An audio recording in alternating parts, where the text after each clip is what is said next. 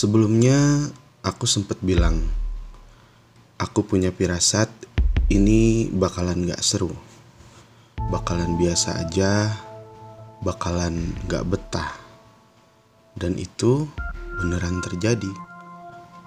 Awalnya aku kira perjalanan pertama ini akan berjalan mengalir normal tanpa ada hambatan yang berarti. Tapi ternyata enggak. Aku pikir ini tidak baik. Sempat aku pikir untuk tidak menceritakan ini. Tapi ini adalah kepingan yang cukup melekat di benakku. Tak pernah terpikir sebelumnya jika perjalananku akan dimulai dengan hal seaneh ini. Ya aneh. Bagaimana tidak? Salah seorang teman yang kala itu terpilih menjadi ketua kelas menerapkan disiplin yang menurut saya kelewatan. Coba deh bayangin, kalau nggak ada guru, dia pasti ke depan menyuruh kami diam dan gak berisik. Sekilas nggak ada yang salah, tapi dia akan berkeliling kelas seperti seorang pengawas ujian.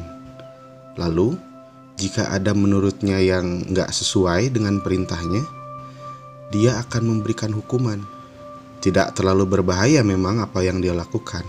Paling memukulkan penggaris ke kaki salah seorang teman yang bersalah kala itu. Dan anehnya, pada saat itu tidak ada yang berani bertindak.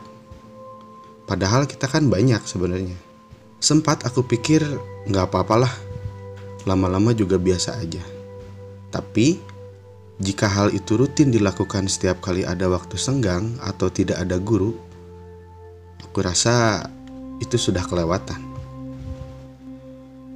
Sempat aku berpikir, mungkin dia sebetulnya kesepian atau mendapatkan tekanan di rumahnya. Mungkin ya. Keseharianku dilalui dengan hal itu hampir setiap hari. Atau mungkin teman yang lain akan merasa sedih jika mata pelajaran selanjutnya kosong karena guru yang bersangkutan berhalangan hadir. Nah, mungkin sebaliknya. Kita akan senang jika guru datang setiap kali mata pelajaran tanpa terlewat. Aneh ya. Biasanya kan justru senang kalau guru nggak ada. Terus kan kita bisa ngobrol sepuasnya dengan teman sebangku atau teman lainnya. Atau bahkan pergi ke toilet. Ya, ke toilet kan? Kalian pasti tahu apa yang aku maksud. Ya, benar. Merokok di WC. Parah sih itu. Itu nggak baik.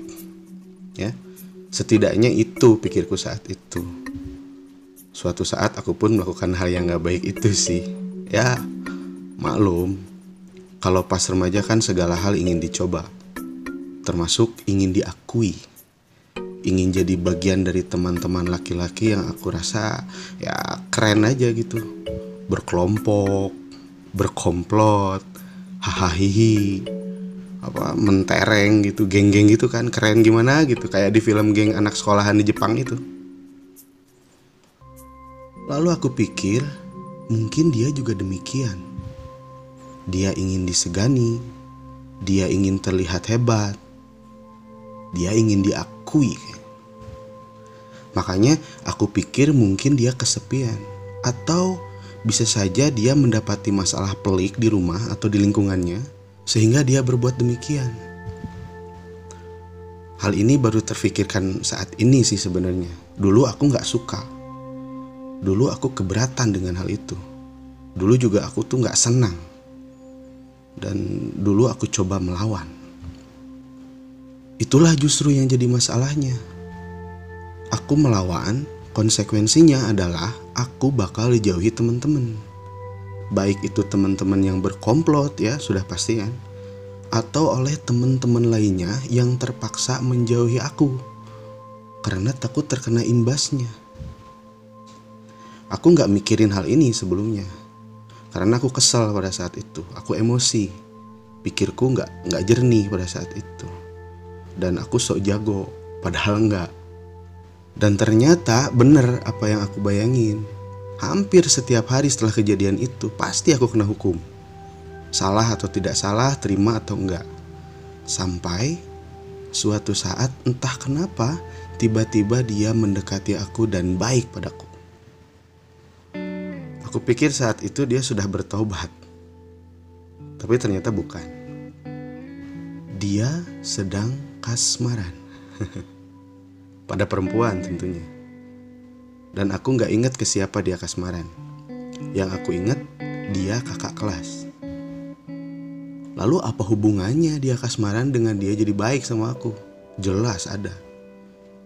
Aku saat itu, walaupun masih bau kencur, itu udah jago nulis. Nulis puisi. Ya, setidaknya menurut kepedean aku sih, di usia aku saat itu aku jago bikin puisi. Dia nyuruh aku membantu, membantu dia membuatkan puisi untuk si kakak kelas idamannya itu.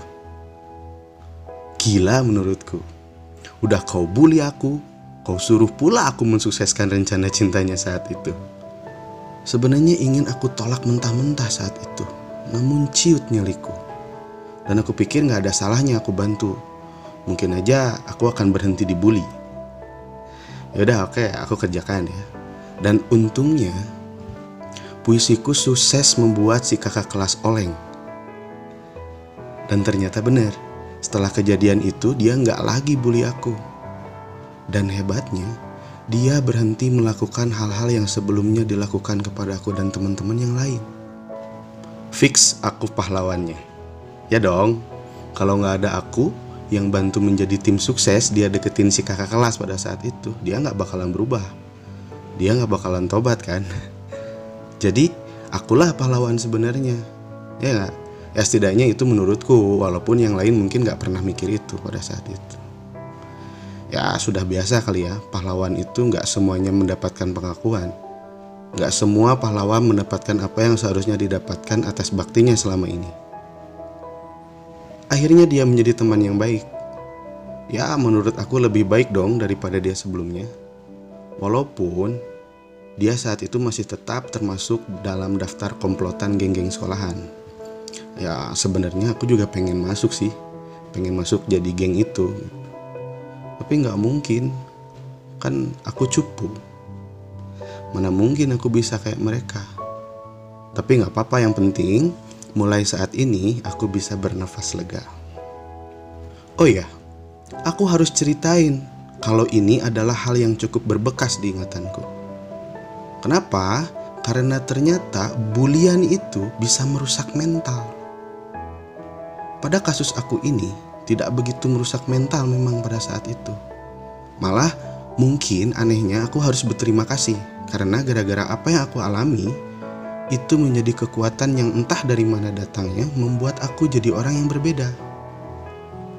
Pada saat itu belum kelihatan bedanya apa kan ceritanya ini kala itu.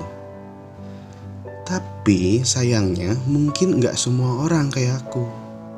Makanya aku bilang bullying itu nggak bener apa pun tujuannya itu bahaya coba aja cari di internet cari di berita atau coba tanya ke pakarnya. Jangan tanya ke aku aku kan bukan ahlinya. Nanti pendapatku salah bisa bahaya. Saat menulis ini aku jadi pengen tahu dia sekarang di mana ya dan jadi apa. Aku pikir dia nggak akan marah aku cerita ini karena mungkin sebagian besar temanku nggak ada yang ingat. Atau kalaupun jadi ingat gara-gara aku cerita ini ya nggak apa-apa. Aku kan nggak sebut nama dia. Dan dia juga termasuk dan termasuk aku pada saat itu juga masih bocah, jadi harus dimaklumi. Oke, jadi sob, kalau kamu dengerin ya saat ini dan kamu tahu bahwa yang aku maksud itu kamu, tenang, aku udah maafin semuanya. Kamu juga harus maafin aku ya kalau harus aku ceritain ini please kalau ketemu kita nanti ngopi bareng kalau takdir mempertemukan ya aku pikir ini sudah berakhir. Aku sudah naik kelas dan aku nggak sekelas lagi sama dia. Alhamdulillah pada saat itu alhamdulillah. Tapi ternyata ini belum berakhir. Di kelas selanjutnya bahkan sampai kelas selanjutnya lagi aku masih jadi korban bully. Kasihan banget kan ya hidup aku saat itu. Nah, aku akan ceritakan kenapa aku masih dibully. Kenapa nggak dibahas kali ini sekalian? Karena nanti akan diselingi kamu yang cukup berperan penting dalam kepinganku itu. Ya, kamu yang di akhir kepingan sebelumnya aku sebut kamu.